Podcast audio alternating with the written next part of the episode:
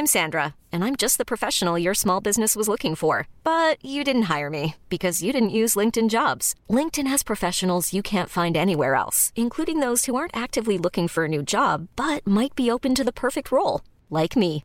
In a given month, over 70% of LinkedIn users don't visit other leading job sites. So if you're not looking on LinkedIn, you'll miss out on great candidates like Sandra. Start hiring professionals like a professional. Post your free job on linkedin.com/achieve today. Mr. 1-0 is Mr. 0-1 in Letland. Bijlo pakt twee punten in Letland. En Noah Lang pakt het haasje in Letland. Verder is het iedere avond ontspanningsavond in Zeist. En verdienen Pepijn en ikzelf een onderscheiding. Ondanks dat onze geliefde eredivisie weer eens onderbroken is... gaan we vol goede moed naar een nieuwe aflevering van de derde helft. Wat is dat, Hans? Door wie word je gebeld? De grootste schande uit, uit, het, uit het Nederlandse sport ooit. Ja, maar denk jij dat ik eh, Jan Pippo de Clown ben of zo? Vooral eh, de, de bekhouder.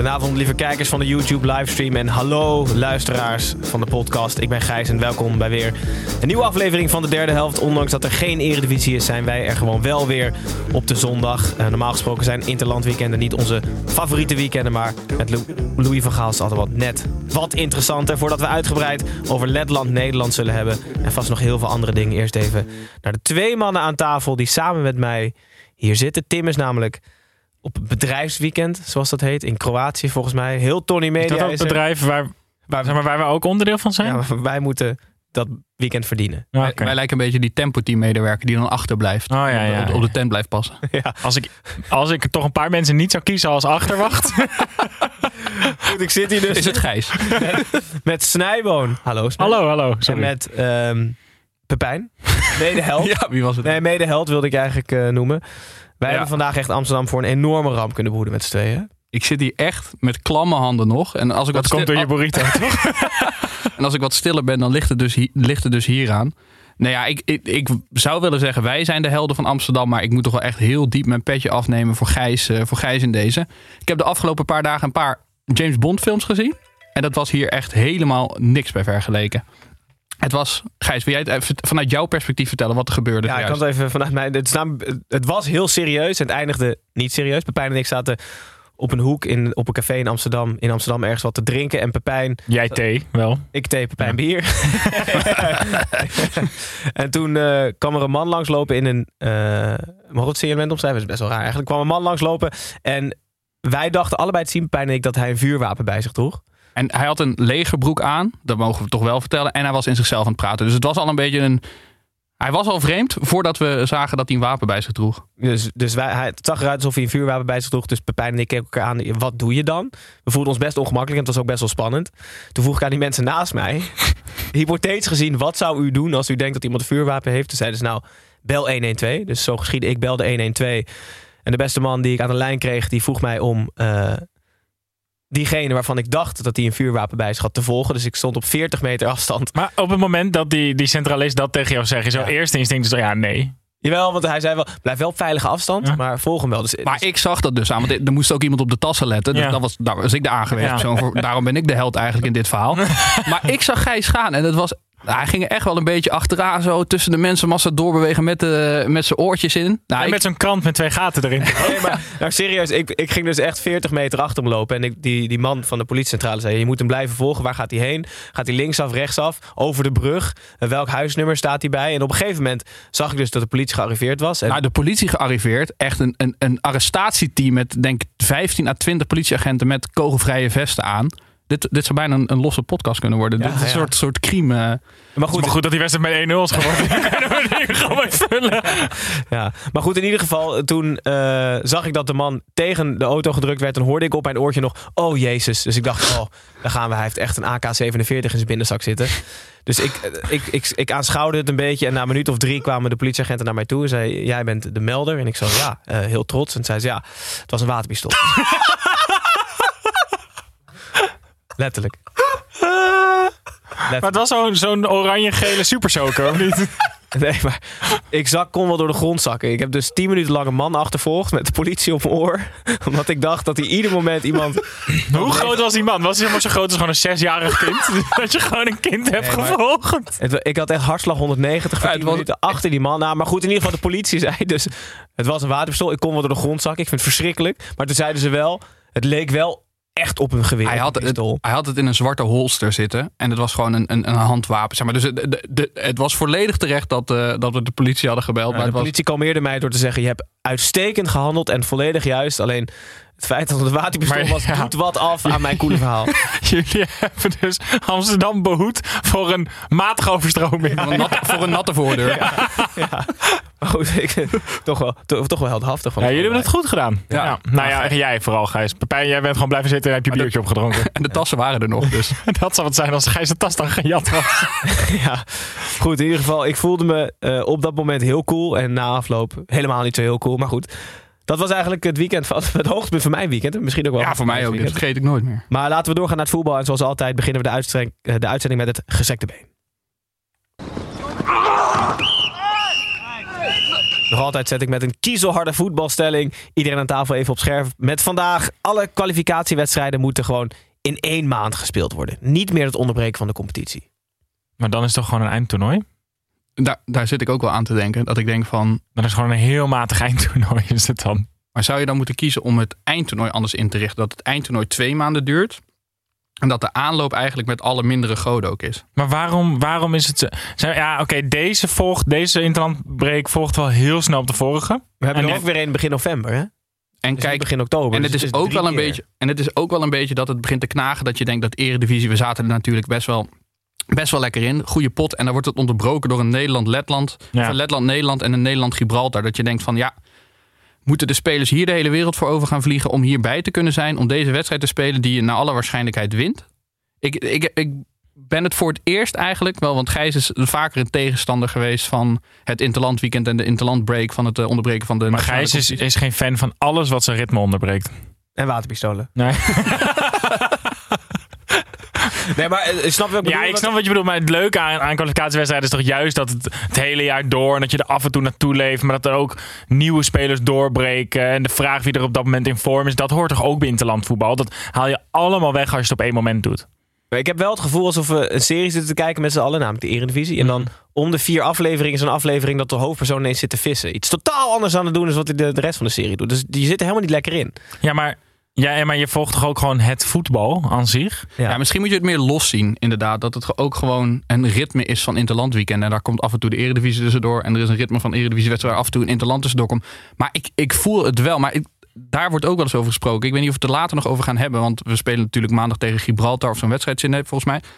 Maar zijn dit dan de wedstrijden waarvoor je een interlandweekend moet onderbreken? Of moet je zeggen, we maken een- meerdere pools? Zeg maar, volgens mij doen ze dat in Zuid-Amerika ook zo. Of in eh, Midden-Amerika, dat je eerst een pool van de mindere goden hebt. En dat later doorstroomt bij de toplanden. Nee, maar, dat, nee, maar ik, ja, ik, volgens mij gaan we daar straks nog, nog, nog meer over hebben. Eh, je moet kleine landen ook een kans geven. En het feit dat wij nu per ongeluk tegen Letland en Gibraltar spelen in vier dagen, ja, dat is voor ons nu gewoon even zuur. Maar voor andere landen, weet je, vorige interlandperiode stonden er gewoon hele belangrijke wedstrijden op het spel. En hebben we tegen Turkije volgens mij allemaal op het puntje van ons stoel gezeten. Ja, dat is waar. Moet het ook niet onderuit halen. Maar dan zou je. Ik denk namelijk dat die kleinere landen meer kans hebben. Zelfs als ze uiteindelijk later. Als het om maar minder wedstrijden gaan. Want als je natuurlijk tien wedstrijden speelt als Ja, maar ik, Gibraltar. ik heb net bedacht waarom, eh, waarom het wel gewoon verspreid moet zijn. Zeg het dus. Omdat heel veel Louis van Gaal in een hele korte periode, dat ga je niet meer leuk vinden. Maar nu af en toe even een beetje Louis, dat maakt je, dat maakt je, je leven echt leuker. Dus dat kan je niet op het spel zetten. Dat is waar. Dus Elke twee maanden gewoon lekker een paar dagen Louis. En daarna is hij ook gewoon weer even weg gelukkig. Oké, we zijn dus jij bent, jij bent gewoon voorstander van deze interlandbreaks.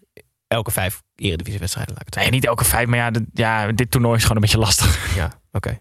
Goed. Eh, ik vind het nog steeds dat alles gewoon achter elkaar gespeeld En moet worden. laatste punt, laatste, Ja. laatste Ja. punt nog even. Het is natuurlijk ook wel, en dat heeft volgens mij te maken met het verzetten van het EK. Dat we nu net een EK hebben gehad, nog wel heel veel interlandvoetbal naar ons gezicht eh, geworpen hebben gekregen. En dan nu ook nog die kwalificatie. Als we natuurlijk geen eindtoernooi hadden gehad en de laatste interlands waren gewoon ver voor de zomer gespeeld, dan hadden we er ook wel weer echt zin in. Ja.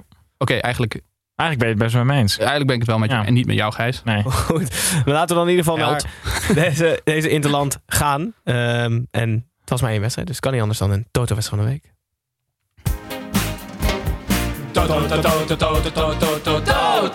Wedstrijd van de week, van de week, wedstrijd van de week.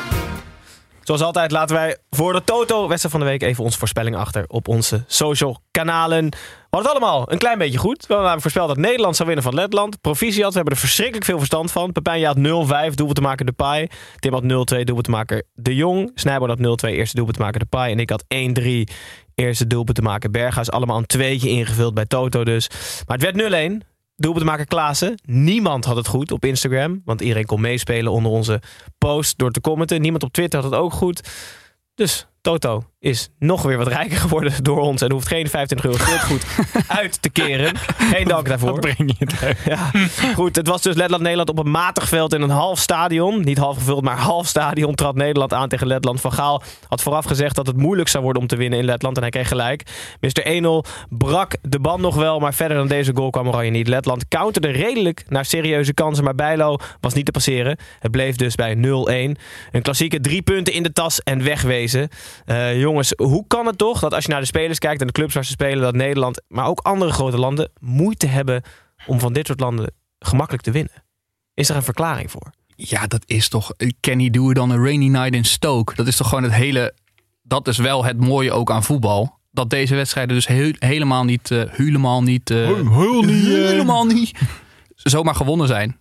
Dus dat is het positieve eraan. Aan tegen de kleine landen uit moeten spelen. Dat het inderdaad nog wel echt een, een moeilijke pot blijkt te zijn.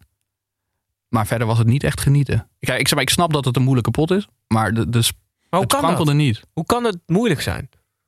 Want als je die spelerslijsten naast elkaar zet en de clubs waar ze vooruit komen, dan is de beste speler bij wijze van spreken van Letland speelt bij Cambuur. Of tenminste de enige die we kennen. De rest bij Real. Ja, Ja, die kennen we niet. Ja, maar ja, Dat is toch ongelooflijk? Ja, het is, het is ongelooflijk. En zeker nadat het eerste doelpunt valt na 18 minuten, dan denk je, oh, nu is de band dan wel gebroken, dan gaan we er wel voor. Maar het, ik denk dat het de combinatie is van, van eh, eh, veld en al die randfactoren en het feit dat, dat zij zo erg, eh, zo gedisciplineerd en zo klein spelen. Wij Dus je komt die, er gewoon echt niet doorheen. wij waren toch naar die wedstrijd eh, in de arena toen thuis. Daar was ik niet bij. Oh, daar was je niet bij. Nee. Maar in ieder geval, toen, zij, zij kunnen best wel een beetje verdedigen. En dat is ook, nou ja, en, en counteren lukt ook nog wel aardig. Maar dan is het ook gewoon tegen elke tegenstander best wel, best wel moeilijk voetballen. In zijn en ik vind ook wel, ik heb eigenlijk niet zo heel veel zin om het over het voetbal van Nederland te hebben. Want Frenkie de Jong was matig, die was matig, zus was matig. En dan hoor je weer, ja, zijn paasnauwkeurigheid was... min- eh, Eigenlijk vind ik dat we gewoon als Nederland ook moeten zeggen, het boeit ons niet. We winnen uit bij Letland. Onze concurrenten spelen, onze concurrenten spelen gelijk. We doen echt een wereldstap richting dat, eh, richting dat WK. Gewoon blij zijn. Ja. Ik denk in elk ander land onder, ten zuiden van Nederland, zijn ze hier gewoon hartstikke blij mee. Ja, zeker. Ja, dit is ook nog eens. Het zou zo classic Nederland zijn als die laatste bal er wel gewoon in was gegaan. Dat je, dat je gewoon gelijk speelt daar. En de afgelopen jaren hebben we best wel veel van zulke soort wedstrijden gehad. Waar we dan wel per ongeluk gelijk speelden. Nu winnen we hem gewoon 1-0, prima. En gewoon lekker naar huis toe. Retorisch, retorische vraag. Hadden we deze wedstrijd onder, eh, onder de boer ge- eh, gewonnen? Dat is niet echt retorisch. Het is Nee. best wel Nou moeilijk. ja, omdat, ik had omdat ik had gehoopt dat hij zou zeggen, ja, nee, tuurlijk niet. Ja, maar dat vind ik lullig voor Frank. Ja. Ja. Nee, maar toen, zeg maar, Louis heeft wel een gouden pik. En dit, dit Nederlands elftal heeft misschien ook een beetje een gouden pik door, door Louis. Ik heb wel het idee dat er een goede sfeer heerst. Ja. En gewoon de, de, de, zeg maar de, het idee van winnen is terug. Van wij kunnen winnen. Ja, als er, als er iets succesvols binnen het Nederlands elftal is, het wel gewoon, eh, de, gewoon de soort van campagne eromheen. Het is echt zo'n feel-good movie aan het worden, het Nederlands elftal. En we hebben echt jaren, gewoon nu al een paar jaar, gewoon weer naar echt zagrijnige mensen gekeken bij het Nederlands elftal. En alsof het leek alsof iedereen daar met tegenzin heen ging. En nu heb je gewoon, het lijkt echt wel gewoon een feestje of zo. Iedereen is super blij om daar te zijn. En dan win je, ja, dan win je een keer 1-0 van Letland. Prima, dat is dan niet zo heel boeiend. Maar gewoon, het zit zo in de lift wel. Jullie wilden het niet over de wedstrijd hebben, maar ik wil, toch nog even wat vragen aan jullie. Dan ben ik weg. over die wedstrijd. Om te beginnen bij de opstelling waar Adam was geschorst. Eh, een, opvallende, een opvallende plaatsvervanger. Ja, zeker. Wie ben? Ja, ik ben Willy en jij René. En samen zijn we altijd met z'n tweeën. Ja, ik eh, zal hem opnemen. Dit is mijn debuut als eh lookalike. Dus eh, Verbeter mij vooral als het niet, eh, als het niet goed gaat. Nee, maar ik had het, Nee, ik zat wachten. nee, ik had het idee ehm, dat Louis van Gaal... die heeft eh, geprobeerd Til eh, uit te nodigen voor het Nederlands elftal. Alleen hij heeft de, de, de uitnodiging naar de verkeerde Guus gestuurd. Want Guus Til die stond namelijk afgelopen vrijdag... bij K2 zoek K3 stond hij op het podium te zingen. En Guus Huigens, Huigen, Huigel, iets, iets Guus, Guus H... uit België, die stond dus op het veld bij het Nederlands elftal. En de ontzettend goede lookalike, die is eh, vanaf nu te zien op onze, op onze social kanalen. Hij is ingestuurd door Stijn en de ach- achternaam is 0345. ja, Gijs, eh, de- Stijn die stuurt, eh, die stuurt lookalikes van over het hele spectrum. Ja, Want ja. de vorige lookalike die hij instuurde was Roberto Mancini met Hitler. Ja, en nu was het Guus en Guus. Ze moeten Stijn even vermanen Ja. toespreken. Ja. Dit is niet de bedoeling, maar, de- maar deze is zeer. Het is echt ongelooflijk. Maar denk je dat Louis van Gaal dan een envelop met de uitnodiging gewoon naar Guus verstuurt? En dat hij gewoon naar de, bij de verkeerde Guus in de briefbus beland is? En ja, hij heeft hem naar Gordon gestuurd en die heeft hem dan doorgestuurd naar de verkeerde Guus. Ja.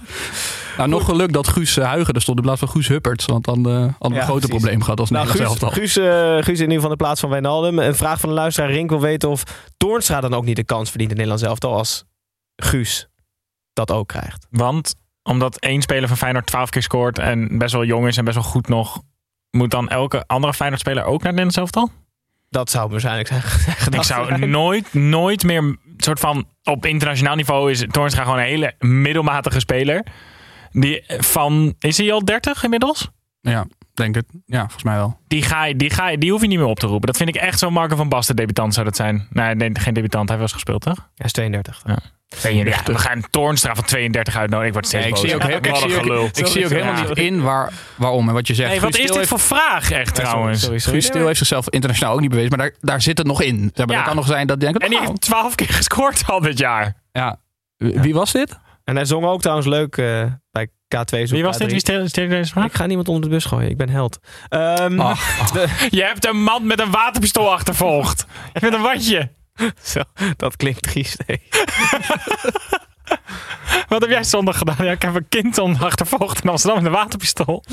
Ja, goed. Ehm, ook bij de opstelling. De Vrij kreeg de, wederom de voorkeur boven de licht. Eh, vraag van luisteraar David Hilhorst wil weten of de licht nu eigenlijk altijd buiten de boot zou vallen. Jezus, wat een vraag weer. Nee, ik denk dat dat aan vorm ligt namelijk. Ja, maar Nee. denk je niet dat hij nu vast voor de Vrij kiest? Hij moet ook, want dat hebben we de vorige keer volgens mij al geconcludeerd na, het interland, eh, na de interlandbreak, dat hij op dit moment gewoon voor de Vrij moet kiezen. De Vrij is zo ontzettend goed. En ik denk ook misschien dat het voor de licht, die is natuurlijk als echt als een raket gekomen, dat het ook wel goed is om even, misschien voor het Nederlandse publiek even een mindere, minder grote rol op zich te nemen bij het Nederlands elftal. Nou, als je kijkt naar die wedstrijd tegen Letland, dan eh, moet je Van Dijk eerder wisselen dan, eh, dan de Vrij. Ja, de Vrij moet je sowieso niet wisselen. Hm. Maar zou je, zou je, Nee. nee toch? Nee, maar dat de licht zou denk ik bij heel veel landen in de wereld zou die gewoon allereerste keuze zijn centraal achterin. Maar hij heeft pech dat hij gewoon ja, op die positie dat we gewoon twee hele goede spelers eh, rond hebben lopen. Die ook nog eens gewoon een stukje meer ervaren zijn. Moeten we dan weer de discussie gaan voeren van, wil je met drie achterop spelen of zeg je gewoon pech Nee, het is toch gewoon super chill dat je derde centrale verdediger van wereldniveau is? Dat is toch prima? Ja, het is een concurrentiestrijd. Die ga je niet je hele carrière winnen. Nee, maar het is, ja, ik vind het ook ergens wel jammer. Want hij is wel natuurlijk ons grootste talent, denk ik. eh. Ja, maar, hij is, ja, ja, maar een nationaal team is geen opleidingsteam. Dat, dat, blijf ik echt altijd zeggen. Je wordt opgeleid bij je club. Als hij daar niet speelt, dan is het echt een probleem. Want dan daar kan je ongeveer 60 wedstrijden per jaar spelen. Als je dan niet speelt, is het een probleem. Nederlands elftal is gewoon... Het is een eer om erbij te zitten. En als je speelt, is het heel fijn. En als, als je niet speelt, dan speel je niet. Maar we gaan niet omdat iemand heel groot talent is... bij het Nederlands elftal laten spelen. Duidelijk. En als laatste nog redelijk opvallend eh, dat Drommel op de tri- tribune plaats moest nemen en Vlekken op de bank mocht zitten. Debutant. Of in ieder geval, hij heeft nog niet gedebuteerd, maar debutant altijd in de selectie. Het is altijd zo moeilijk met een, een derde keeper. Dat, dat ik altijd denk, waarom zitten, die niet samen, waarom zitten die niet samen op de tribune? Dan heb je nog elkaar en dan Kun je nog een beetje high-fiven. ja, doet het niet bij één iemand boksen. Doet het niet bij één iemand eh, zoveel pijn. Maar ik, snap jij het? Denk je dat het is vanuit kwaliteiten gezien? Of is het gezien vanuit Van Gaal dat hij zegt, ik doe het even anders, want ik weet dat ik daar gezeur over krijg, maar hey, het was een goede zet? Ja. Of denk je, zo'n jongen wordt er misschien maar in zijn hele leven één keer bijgeroepen. Dat zou natuurlijk ook heel goed kunnen. Dat hij denkt, nou we hem dan maar bij de selectie, want de derde keeper... is- Misschien had hij al lang gezien dat die vlekken er helemaal gekut van kan. ik zet hem wel op de bank, want die ga ik nooit meer bellen. Nee, maar dat hij dan denkt van ja, 99,99% zeker dat die keeper niet in gaat vallen. Dus ik laat hem op de bank als een soort van pupil van de week. Ja, ik denk dat. Ik, vond het, ik vind dat hele gedoe rondom die vlekken ook. Hè. Louis van Gaal die doet alsof hij hem in de derde divisie van Botswana heeft gescout. alsof nog nooit iemand die jongen ergens op een goal heeft zien staan. Die jongen die keept al jarenlang in de Bundesliga. Hij doet echt alsof nog nooit iemand van Mark Vlekken had gehoord. Wat is dat voor Hij zei ook iets van, we zien alles. Ja, we zien alles. Gelukkig je kijkt de de samenvatting van de Bundesliga. Ja, daar heb je wel gelijk in. Ja. Goed, heel veel terug naar de wedstrijd. Ehm, jullie zeiden al een beetje, was niet heel veel aan. Waren er toch uitblinkers voor jullie? Ja, maar om maar even te tonen hoe slecht het was. Bijlo.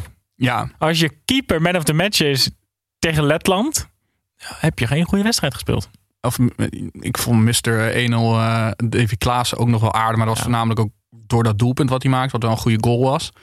Maar verder inderdaad Bijlo. Ja. Die redt ze gewoon in de laatste... Wel knap, toch? Volgens mij hij vierde interland. Hij redt echt in de laatste minuut redt hij gewoon twee punten. Ja, voor mij liet dit ook wel een beetje zien dat Justin Bijlo het echt wel in zich heeft om echt een topkeeper te worden. Want het is namelijk zo'n wedstrijd waar je op een paar momenten heel scherp moet zijn. En de rest van de wedstrijd geen reet te doen hebt. En, en we hebben natuurlijk eh, die drommel-discussie gehad. Hè. Die zei dat hij dat hij jaloers was op Wellenreuter, de keeper van Willem II. Want die kreeg lekker veel ballen en dan kan je lekker keeper. Ja, dan ben je dus geen topkeeper in mijn optiek. Want als topkeeper krijg je maar drie of vier ballen per wedstrijd. En die moet je allemaal pakken. En dat lijkt Bijlo wel echt goed te doen. Ja, ik vind het ook. Ik ben er echt blij mee. Gewoon voor het Nederlands elftal is het echt goed om weer. Uh, Silas had ik mm, altijd heel erg uh, mijn bedenkingen bij. Ook die in de, in de groep lag en die bijlo volgens mij echt. Uh... Ja. Kleine hoogtepuntje nog, debuut van Noah Lang. Pakt zijn haasje. Dan krijg je altijd een haasje als je debuteert bij het Nederlands elftal. Wel verdiend, toch? Speelt ja. fantastisch bij Brugge. Ja. Week in, week uit. Kijk jij vaak Brugge? Ja, ja, de Champions League heb ze laatst gezien. Oh, ja. Speelde hij erg goed. Nee, maar uh, volgens mij is dat een van de smaakmakers van de Belgische competitie. Als ik uh, ieder geval de artikelen eromheen. trouwens wel echt prachtig dat hij... Uh, hij werd dus... Want ze hebben, niet, ze hebben een beetje een probleem in Nederland zelf op rechts buiten. En hij werd dus gebracht door Van Gaal als rechts buiten. Ik denk gewoon ook om een beetje te testen. En letterlijk twee minuten later zegt hij toch... Wie stond er toen? Gakpo stond er ja. nog. Zei hij wisselen van kanten. Toen is hij op links gaan lopen. Toen heeft Van Gaal dus naar die kant gekomen. Zei van, joh, ben je wel helemaal lekker gozer? Is hij weer, is die weer, naar rechts, uh, is die weer naar rechts gestuurd. Maar Van Gaal moest er super hard op lachen. Wat ik dan wel weer te roemen vond. Want ik dacht, Van Gaal die trekt straks zijn hoofd eraf in die kleedkamer. Weet je. Want dan moet je natuurlijk bij Van Gaal niet doen. Als hij denkt van, ik ga eens proberen op rechts buiten. En twee minuten later ga je wisselen. Maar uiteindelijk vond Van Gaal het ook wel mooi. Ik vond het ook wel echt tekenend ja. voor die Noah Lang. Die heeft zo hard echt scheid aan alles. Ja, het, is gewoon, het is gewoon een hele goede voetballer, Noah Lang. En daar, daar is altijd wel ruimte voor in zo'n selectie. Ik vind het leuke, leuke voetballer ook. Uh, laten we de wedstrijd even achter ons. Even iets meer op, op Louis van Gaal. Uh, de vorige interlandbreek was alles bij hem gezellig, leuk, lachen. Hij begon deze interlandbreek toch weer een beetje classic van Gaal. Hè? Mensen de les lezen, ben jij nou de bondscoach of, of ben ik nou de bondscoach? Beetje narrig kwam hij over. Hoe kijken jullie naar hem? Nog steeds wel genieten, toch Snij? Ja, ik, ik denk dat er van, van tijdens en, en vlak na het EK heel veel soundbites van mij te vinden zijn. Dat ik echt echt falikant tegen de komst van Louis van Gaal was. Maar hij, hij pakt het zo goed op, Gijs. En hij zit zo te genieten. Het is echt alsof een gepensioneerde soort van vrijwilligerswerk doet ergens. Hij vindt het gewoon mooi om lekker... Hij is lekker de deur uit. En dan zit hij de gewoon met zijn vrouw te praten. En hij geniet. En al die jongens houden hem zo jong. Alles is fantastisch. Hij vindt die groep geweldig. Geweldige groep, geweldige ja. groep. Lekker spelletjes die hier lekker 30 seconds doen. Of ja. zoals hij het dan zegt... 30 seconds. Ja, ja, ja. Schitterend. Ik vond het ook echt mooi. Je zag oprecht het enthousiasme van hem voor die spelersgroep. Blijkbaar spelen ze met z'n twintigen 30 seconds. Ja, lekker makkelijk ook wel trouwens. Met z'n twintigen 30 seconds. Zou het dan gewoon 10 tegen 10 zijn? Dat één iemand iets uit gaat leggen en dat er dan gewoon negen man aan het roepen zijn? Ja, dat denk ik wel. Wie, wie, als je met z'n tweeën speelt, 2 twee, om 2, wie zou het beste koppeltje zijn van Oranje in 30 seconds? Stefan de Vrij sowieso wel. Met, ik zou zeggen met Frenkie. Ja. Maar dat is niet op het voetbalveld per se misschien Maar je hebt dus je moet dus wel denken aan mensen die hetzelfde... Het heeft niet per se met intellect te maken. Hè? Dus je moet mensen hebben die Ja, natuurlijk wel. Anders ken je al die, al die dingen op die kaartjes niet. Dan spelen ze de kindereditie of zo. Ja, je moet ook wel wat... Sorry, maar ik moet- denk echt dat heel veel van die spelers van het Nederlands elftal... gewoon de helft van wat op die kaartjes staat niet eens weet. Maar als je die dingen die je juist wel weet met één woord kan omschrijven... en dat je dan gewoon pam, die connectie hebt. Maar toch blijf ik wel bij Als ik met mijn Ja, speel namelijk, dan met mijn vriendin en, wat je zegt. ja, en haar zus spelen het wel samen. En die zeiden dan Amerikaanse boevenbende en dan zegt de ander CIA. En dat is dan goed.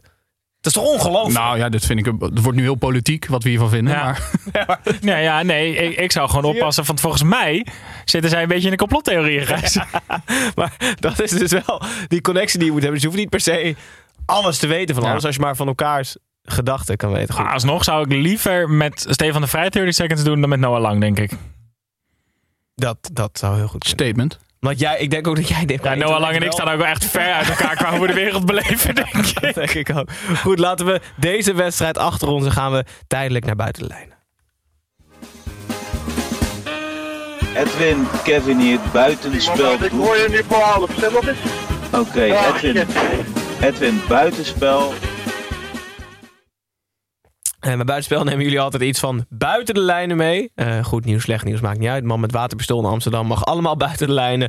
Eh Pepijn, wat heb je meegenomen? Ja, eh, in de hoek van Against Modern Football. Eh, Ik denk ook wel dat, ik, dat Snij hier heel veel verdriet van heeft. Ehm, en de meesten zullen het er wel gehoord hebben. Maar Newcastle is overgenomen door weer een, eh, investering, een Saoedische investeringmaatschappij. Het heet de Public Investment Fund. PCP, Capital Partners en RB Sports en Media. Met z'n drieën. Die hebben voor 350 miljoen hebben die Newcastle overgenomen. En die hebben ehm, met z'n drieën een geschat vermogen van 350 miljard euro. Of Wat? Ja, dus die club is in, in één klap de aller, allerrijkste club eh, van, eh, van Europa. En daarbij van de wereld. En daarbij alle clubs eh, in de Premier League bij elkaar opgeteld. Daar hebben de eigenaren iets van 75 miljard eh, aan vermogen van. Dus ze zijn zeg maar vier keer rijker dan alle clubs uit de Premier League bij elkaar opgeteld. Daar, daar is toch niks aan? Nee. Dat, dat slaat toch Maar werkelijk los waar, het feit dat er niets aan is qua geld, is het ook nog een redelijk dubieuze partij, toch? Die Nou ja, dat is het zit. vooral. hè. Het, het, het is door dat consortium gekocht. ehm, eigenlijk om, om, om te, eh, een beetje te verdoezelen dat eigenlijk Mohammed bin Salman is dat volgens mij. Dat is de kroonprins van Saudi-Arabië. Dat is eigenlijk het brein hierachter. En, en dat is wel... Die, ik denk dat die wel top 5 grootste boeven ter wereld is. Die heeft, eh, weet je, die heeft die Khashoggi... eh, die criticaster van, van Saudi-Arabië eh, laten vermoorden, in een ambassade in stukken laten snijden en in koffers laten vervoeren. Is dat, is dat, is wel een boevenstreek, ja. Je, je- is dat- maar is dat bewezen voordat we Hm? legal claims aan onze broeken krijgen? ja, ja, nou ja, ja, ja, Door de internationale gemeenschap volgens mij door alle erkend dat Saoedi de ja, en Saudi-Arabië zegt dat het, een, dat het een actie was van twee eh, rogue-agenten binnen de inlichtingendienst en dat die gestraft zijn door Saudi-Arabië. Maar het is wel algemeen bekend dat, dat die kroonprins achter heel veel wat er fout gaat in Saudi- eh, Saudi-Arabië, dat hij daar wel mee te maken heeft. En dan, ja, kijk, Maar vinden we... Vinden Ik weet, ook, ik ben fan van Arsenal. Hè. Daar, daar is de eigenaar een of andere miljardair uit, eh, uit Amerika. Dat is ook, het is ook allemaal niet goed. Maar als ik nu Newcastle-fan zou zijn, zou ik er wel echt een wrange nasmaak aan overhouden dat dit nu de eigenaar van mijn club is. En dat er mensen met, met, met eh, Saudi-vlaggen over straat eh, lopen. En die oud-eigenaar Mike Ashley, er was ook echt een boef. Er was gewoon een hele soort scheve Engelse zakenman die ook niet helemaal, helemaal juist was. En die de club best wel kapot heeft gemaakt.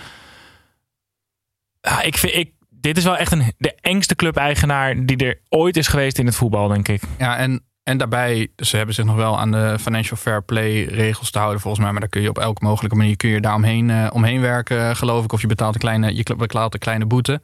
Ik Nou zag ja, een en lijstje bent- namen. Volgens mij wilden ze een Haaland al gaan halen. En Eh, ze willen nu Conte aan gaan trekken als manager. En, en met sponsoring kan je natuurlijk ervoor zorgen dat er heel veel inkomsten ook zijn binnen club. Er zijn heel veel manieren om dat tegen te gaan. Kijk maar naar City en Paris Saint-Germain. Hoe snel je op kunt klimmen in het hedendaagse voetbal als je geld hebt.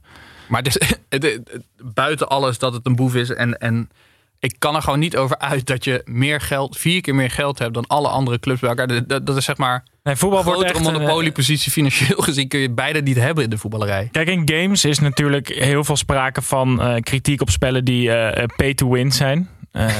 En zij, zij benaderen dit echt alsof het gewoon voetmanager. Dit is echt pay to win. Maar het zou volgens mij denk ik vergelijkbaar zijn dat, want we hebben het de vorige keer over, de, over het, het vermogen van Ajax gehad en de, en de omzet van Ajax. Het zou denk ik zoiets zijn dat, dat Ajax 800 miljoen omzet per jaar gaat draaien en een eigen vermogen heeft van een miljard. Ja.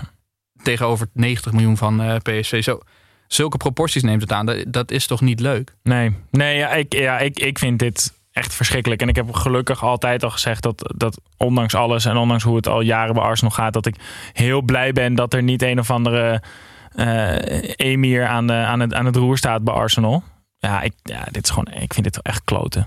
Hebben we, hebben we leuke nieuws mee, van buiten de lijnen, of niet? Nou, Ehm DHC heeft gespeeld. Dat is heel fijn. Ons, eh, wij zijn eigenlijk ook een consortium die DHC hebben. Zeker. Ja, we ja. moeten wel een beetje oppassen inderdaad met wat we, wat we zeggen over eh, clubeigenaren. Ja, en, voor je het eh, weet zitten we namelijk bij Mohamed Bin Salman aan tafel. omdat, we, omdat we ook in de Premier League een club hebben gekocht met z'n allen.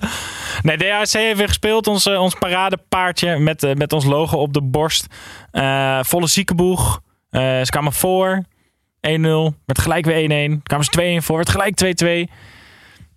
Tweede helft, ja, 3-2 verloren. Nee. Ja, Nee. ah, gasten, kom op hè. kut, sorry man. Tandje bij. Ja, ja, ja. Ze- Het gaat heel veel ook over externe spelers. Ik weet niet of we dat te vaak moeten noemen. Want volgens mij mag dat volgens de regels niet. Maar de, de- we, we zijn wel een beetje aankopen aan het scouten. Ehm, twee dingen die opvielen. Eh, helaas, eh, Spits Edu heeft ook rood gepakt. Ach jezus. Ja, hij wilde een, eh, een bal vanuit de lucht flink op de pantoffel nemen. Maar raakte alleen de keeper. En de bal was in de buurt. Maar Typisch Edu. de Typisch spelers Edu. van DAC eh, vonden dat geel ook wel had volstaan. Ja, natuurlijk. Ja. En eh, een andere bijzonderheid was de scheidsrechter. Het, hij, hij- het leek alsof hij dacht dat er een VAR was. Steeds als een grensrechter vlagte, liet hij een flink do- tijd doorspelen en daarna vloog hij pas. Dus die zat al deed waarschijnlijk in zijn lege oor met zijn vinger te, te, te poeren. Maar Paul van Boekel, die zei nooit wat. En vrouwelijke supporter van de tegenstander heeft een bidon naar de captain gegooid. Ja, Als in eh, neem wat te drinken? Of Nee, nee, nee, ja, nee als, als in neem wat te drinken, hier is een bidon op je voorhoofd. Oh jezus. Ja, Maar eerste verliespartij sinds wij het team hebben overgenomen, toch? ja, ja ik ga maandag even de kleedkamer in daar. Ja, dit lijkt me niet... eh, Nee, nee, nee. Nee, Ik ga met de prullenbak smijten daar. à la Ferguson. minst, het lijkt me minstens nodig. Nee. Ik wil, eh, volgende week wil ik rapportcijfers zien. En degene die lager dan een 5 scoort, is gewoon weg. Ja, Stuur ik gewoon naar Newcastle. Klaar ermee. Ik heb, eh, ik heb voor de verandering ook nog wat meegenomen. Eh, Er werd iets ingestuurd door eh, Tom Jansen. Die stuurde een post in van Café The Ocean. In Deurne Centrum is dat café. En die heeft een foto gebruikt om marketing te voeren van onze allereerste fotoshoot. In een café met Snijboon met een NAC-shirt aan. Titus achter de bar met een eh Pek Zwolle shirt volgens mij. Ja. En Tim met een Heerenveen shirt zit hier. En eh, eh, die foto is van het internet gehaald. En staat nu op de achtergrond. Zondag 10 oktober. Zatte zondag. De gezelligste derde helft. Dus hebben we waarschijnlijk gegoogeld op de derde helft. Maar, ach, waar is dit? Wat voor kroeg is dit? Mag ik heel even hier iets over zeggen? Want dit weten jullie niet. Maar dit is wel echt heel erg leuk. Ik heb, eh, toen ik bij Helmond voetbalde, heb ik eh, in Deurne gewoond. En toen ging ik heel af en toe op vrijdag na de wedstrijd even de kroeg in. En dat was altijd die Ocean. Ja, ja, ja serieus. De Dus, Ocean in Jij zegt de Ocean in Deurne. Ik begin helemaal te shake. Ik denk van, wat is er allemaal naar boven gekomen? Maar gelukkig dat dit het was. Maar goed, er staat onder elke zondag open tussen 8 en, eh en Ik zit 12. het te googlen. Ziet er gezellig uit, jongens. Moeten we daar niet een keer heen? Nou ja, ik, we moeten eigenlijk een berichtje sturen dat eh, jullie in ieder geval met z'n drieën Heb ik zie hier ook een foto. Waarom zit er een balkje voor jou? Dat is goed. De- bij mijn buitenspelletje zit eh, de- een café in Deurne ons eh Maar dit, matige wordt een claim? Dit wordt een claim, asset, ja. Pas maar op. Hebben kunnen we dan wat dingen tegen elkaar wegstrepen. Ik met de Ocean. Ja, goed. Eh, doen we op de grens. Doen we zo'n meeting. ja, we kunnen Krijgen wij die foto terug. En dan leveren wij Pepijn in handboeien af. te, te vervelen is alleen dat het gratis toegang is al. Dus als ze ons gratis toegang aanbieden, Snijboon, valt er niet voor. Want het is sowieso gratis toegang. Goed, dan gaan we van buitenlijnen heel veel terug naar binnenlijnen. Het is namelijk Geniaal dit, hè? Nederland-Gibraltar op maandag. We nemen dit op zondag op. Eh, dus we kunnen heel veel vooruitkijken naar Nederland-Gibraltar. Misschien een paar mensen die... Een paar dingen eruit lichten van Gibraltar. Doe even alvast één, van één, even zo'n uitspraak dat we gewonnen hebben. Oh, voor als mensen die naar luisteren. Ja, ja. Het was wel weer beter dan tegen Letland. En wat een pot. 8-1. Ja, 8 1 Zou ik dan doen met verlies? Godverdomme, die Bijlo, jongen. Ik heb altijd al gezegd dat er geen kut van kan, die gozer. Op dinsdagochtend knippen we een van deze twee dingen eruit. Eh, hartstikke goed. Maar Nederland-Gibraltar, jongens. Kunnen we zo'n wedstrijd nog leuk maken om naar te kijken? Nou, je moet echt handicaps gaan bedenken. Niet per se, je moet geen handicaps gaan bedenken. Maar dat Gibraltar gewoon 3-0 voor staat in het begin. Of één keer raken. Iedereen één keer raken. Of uit de lucht, Ja, leuk met Dumfries op rechtsback. Uit de lucht scoren. Ja, alleen koppen. Alleen, Alleen kop- kop is ook wel leuk. Ja, moet toch, eh, dit, dit, dit, wordt- dit moet toch tussen de 6 en 9 Maar dat bedoelde ik dus net. Is het geen idee dat echt die dwergstaatjes en die, die, die, die landen na de 150ste plek eh, op de, eh, op de FIFA-ranking, dat die gewoon van tevoren even, Met z'n allen alvast een steenpapier schaar toernooitje doen om te kijken wie er mee nou mag. ja, of een mini-toernooi zoals de Nations League ergens in de zomer afwerken om te kijken van, nou mag je meedoen eh, met de grote landen. Want het is, zeg maar, het vertekent ook. Voor hetzelfde geld hebben die landen een keer een redelijk goede dag. En wint eh, Turkije er 4-0 van en wij winnen er 9-0 van. Dan pak je vijf punten doelsaldo, eh, doelsaldo op, op, op, op Turkije. Terwijl je denkt van ja, waar gaat het nou over? Dit is toch een... Nee, jongens. Jullie, jullie alles professionaliseren. Maar dit is toch de charme van interlandvoetbal? Dit is toch voor, Ja, die, ik vind het ook voor die bakkers en die slagers... eh, die op die, op die, die, zij wonen daar allemaal op die rots in Gibraltar. Die mogen dan af en toe mogen ze gewoon lekker tegen Nederland voetballen. Dat vinden die mensen fantastisch. Ja, maar ik zag ook een, een, eh, een onderzoekje uitkomen over de belasting. Dat er zeg maar eh, vanuit Geld de- of- Financieel of fysiek? Nee, vanuit, eh, vanuit medici een alarm, alarmerend rapport was geschreven over de belasting van bepaalde voetballers. En daar stonden volgens mij in de top 5 van heel Europa stonden Blind, Frenkie de Jong en misschien Matthijs de Licht wel. Dat was over de afgelopen seizoenen gedaan. Dat die gewoon veel te zwaar belast zijn. Onder andere door die interlandweekenden waar ze ook gewoon op moeten draven. Ja, maar neem ze dan gewoon niet mee. Want dat vind ik wel. Waarom, waarom is Wijnaldum opgeroepen deze keer? Voor alleen We deze spelen tegen Letland en Gibraltar. En tegen Letland was hij geschorst. Dus hij wordt alleen voor een, voor een wedstrijd tegen Gibraltar uitgenodigd. En voor 30 seconds. 30, Ja. 30 seconds. 30 seconds. Nee, maar eh, dat, daar ben ik het helemaal mee eens. Maar dan slaat het hele concept van deze interland nergens op als je met een B-ploeg gaat spelen. Nee. Nou, maar eh, ik, ik ben ook voor de charme van het voetbal. En er is denk ik niemand een grotere fool voor, zeg maar, charme in het voetbal dan dat ik dat ben. Mooi gezegd. Ja, maar in deze situatie vind ik het wel in zo'n druk seizoen en zo'n zwaar programma voor alle clubs, ook de clubs die in Europa uitkomen, denk ik echt van, ah. Ja, maar oké, maar dan is het dus gewoon zoals zo vaak dat clubvoetbal, interlandvoetbal langzaam aan het overnemen is. Nou ja, niet al het interlandvoetbal. Als we nu tegen Frankrijk hadden gespeeld, dan had ik echt ontzettend veel zin in gehad. Maar het, is ook nooit eigenlijk tegen dat soort landen. Het is soms mooi om te horen van oké, de linksback is een postbode. En de, en de spits die heeft eh, vanochtend nog in de fabriek eh, worst in elkaar zitten te draaien. Is dat zo bij Gibraltar, dat we weten? Dat klopt. Een hele grote worstenfabriek. Ja, dat klopt. Nee, maar, op eh, maar ik bedoel, dat is nooit een, een, een wedstrijd die aan je verwachtingen voldoet. Als je Nee, dat vond ik acht- tegen je- Letland ook. Dus je zit daar 90 minuten naar te kijken en er wordt één keer gescoord. Ja, goed. Nou, we gaan in ieder geval met 8-1 winnen of door een ketser van Bijlo spelen, verspelen we punten. Ehm, veel plezier bij het kijken of helaas als jullie gekeken hebben naar... is de wedstrijd van de week weer, of niet? Ja, nee, nee, nee, want we gaan Oh. de volgende week niet behandelen. Wat we wel gaan doen is, ondanks dat hij in Kroatië zit, even naar Tim luisteren. Of iemand dit nou weten wil. Dat boeit me niet ontzettend veel, want ik heb weer een weetje voor je mee. Hallo jongens. Eh dit weetje gaat over Sam Beukema.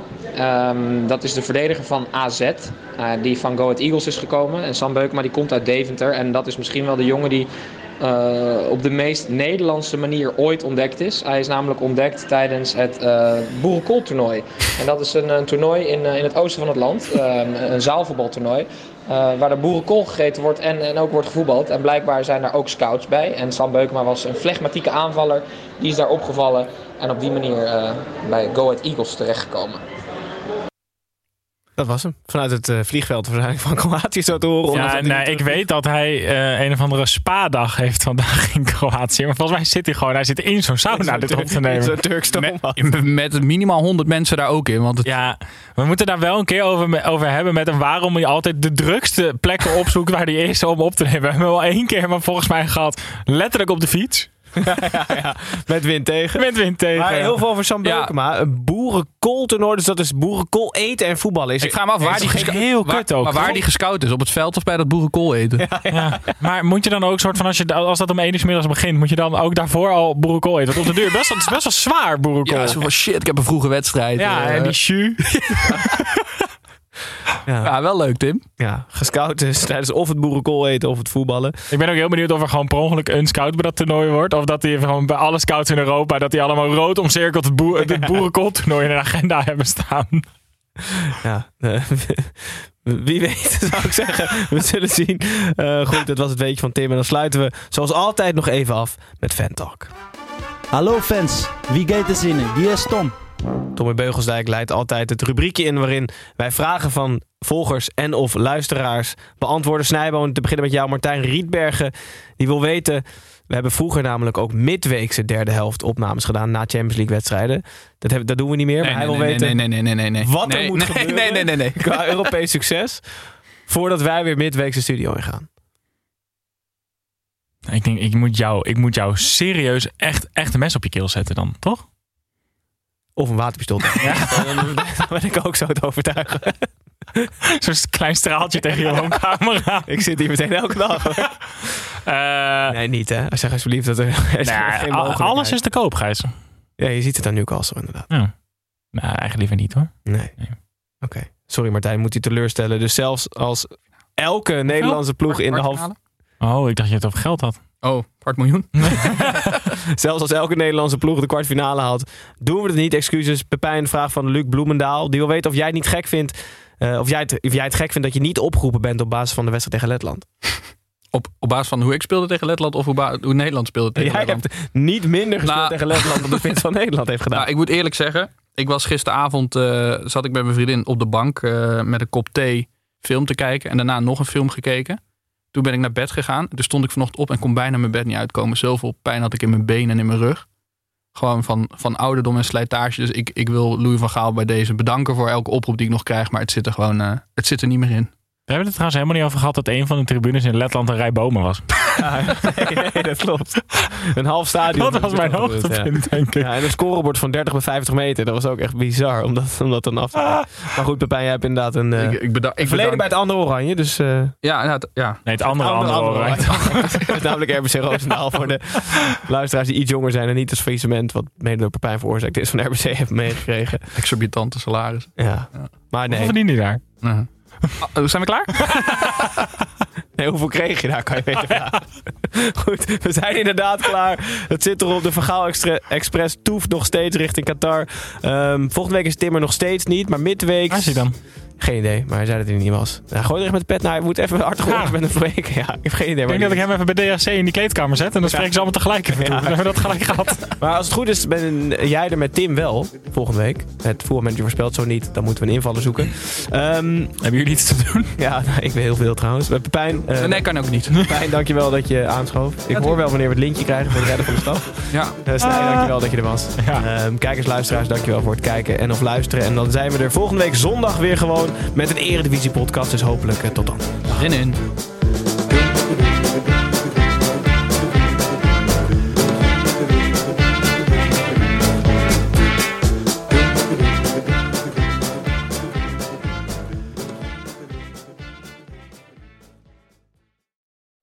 Stigmas around mental health were designed to hold us down, but we don't have to let them. If you're struggling, text or call 988 to connect with a trained crisis counselor who won't judge, just listen. 988 Suicide and Crisis Lifeline. Hope has a new number. Ruben Tijl, Ruben Tijl. Wacht Ruben even, zijn er Tijl, nou twee Ruben. Tels of twee Rubens? Twee Rubens, één Tel. Drie mannen. Eén midlife crisis. De meeste mannen dragen dan niks meer bij in de maatschappij en die gaan motorrijden. Ja, maar wij nemen een podcast op. Dus luister. Om de vrijdag naar Ruben Tel. Ruben, De podcast.